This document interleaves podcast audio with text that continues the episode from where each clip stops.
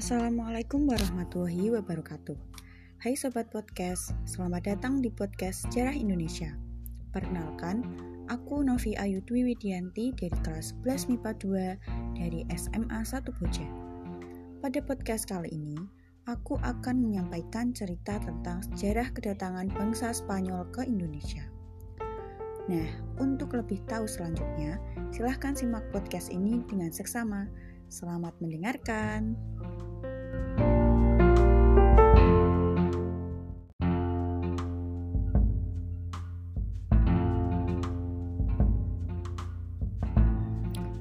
Pada awalnya, kedatangan Spanyol ini bermula ketika mengirimkan armada kapal yang terdiri dari tujuh kapal melewati Selat Magellan.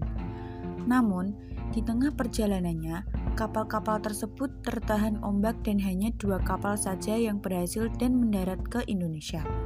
Kedatangan Spanyol ke Indonesia tentu saja ditentang oleh Portugis karena dianggap melanggar perjanjian yang telah dibuat. Perjanjian itu dinamakan Perjanjian Tordesillas Perjanjian ini membagi wilayah pelayaran timur dimiliki oleh Portugis, sedangkan barat dimiliki oleh Spanyol. Perjanjian itu telah disepakati bersama sejak 7 Juni 1494. Awal kedatangan Spanyol ke Indonesia Kedatangan Spanyol ke Indonesia tentu tidak berbeda jauh dengan bangsa Portugis, seperti menyebarkan agama Nasrani, mencari kejayaan dan kekayaan, serta menemukan wilayah kekuasaan atas tanah atau wilayah jajahan yang subur. Bangsa Spanyol datang ke Indonesia tepatnya di Maluku pada 8 November 1521, dipimpin oleh kapten yang bernama Juan Sebastian Elcano. Namun kedatangan bangsa Spanyol saat itu tidak disenangi oleh Portugis, yang saat itu sedang mengatasi perlawanan rakyat pribumi, dikarenakan Spanyol dianggap mengganggu Portugis untuk memonopoli perdagangan di wilayah Eropa yang dilakukan oleh Portugis, walaupun usahanya belum sesuai harapan karena perlawanan dari penduduk yang ada di Maluku. Kedatangan Spanyol di Maluku tepatnya di Tidore disambut baik oleh Sultan yang memerintah Tidore saat itu karena mereka sedang bersengketa dengan kerajaan Ternate yang didalangi oleh Portugis. Tentu kedatangan Spanyol nantinya akan dianggap menguntungkan karena dapat membantu mengusir Portugis dari Maluku.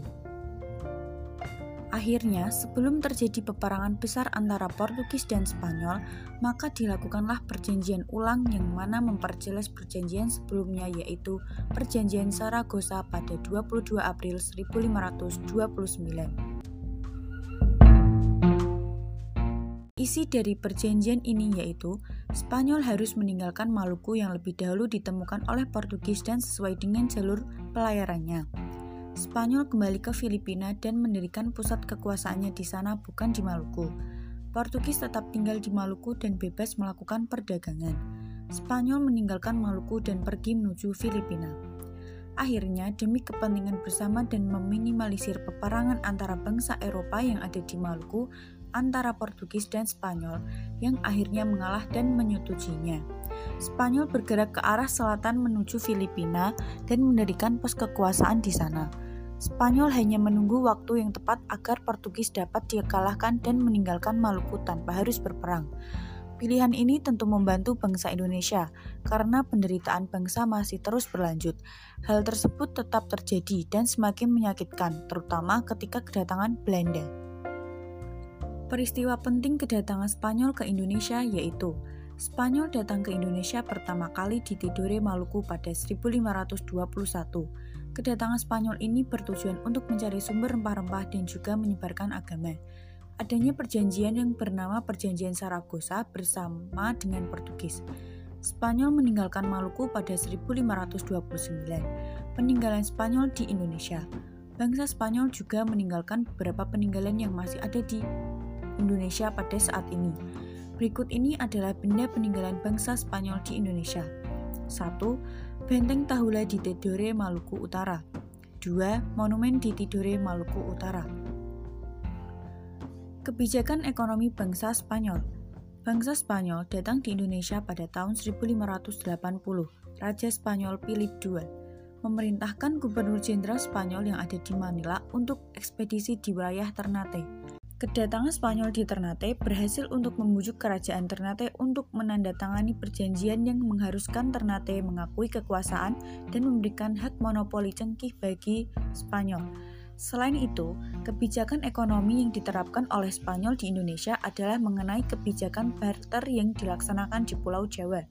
Kebijakan ini dilakukan karena pihak Spanyol sulit untuk mendapatkan pengaruh di Maluku maupun di Ternate karena adanya campur tangan dari pihak VOC.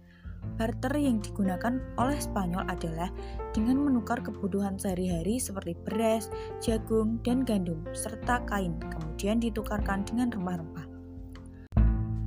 Dampak positif datangnya bangsa Spanyol ke Indonesia yaitu 1. Banyaknya dibangun pelabuhan-pelabuhan sehingga Indonesia menjadi pusat perdagangan di Asia Tenggara, terutama di daerah Malaka. 2. Setelah kedatangan bangsa Eropa di Indonesia, banyak berdiri pusat-pusat industri yang dapat mengurangi angka pengangguran di Indonesia. 3. Dibangunnya sarana jalan darat, jalan raya, sehingga antara kota yang satu dengan yang lainnya terasa dekat. 4. Didirikannya sekolah yang dapat mencerdaskan para generasi penerus bangsa Indonesia. 5. Terbukanya jalur pelayaran dunia. 6. Terdapat pendapat bahwa bumi itu bulat. 7. Ditemukan benua-benua baru di dunia. Kemudian, dampak negatif adanya bangsa Spanyol datang ke Indonesia. 1. Masyarakat Indonesia merasa tertindas dengan kedatangan bangsa Eropa yang selalu bersikap semena-mena terhadap bangsa Indonesia. 2. Terjadinya pemberontakan di mana-mana yang mengakibatkan banyaknya warga negara Indonesia yang meninggal. 3. Bangsa Eropa mengadu domba seluruh masyarakat Indonesia. 4. Terjadinya perebutan kekuasaan yang dilakukan oleh bangsa Eropa terhadap bangsa Indonesia yang akhirnya banyak menelan korban para warga Indonesia.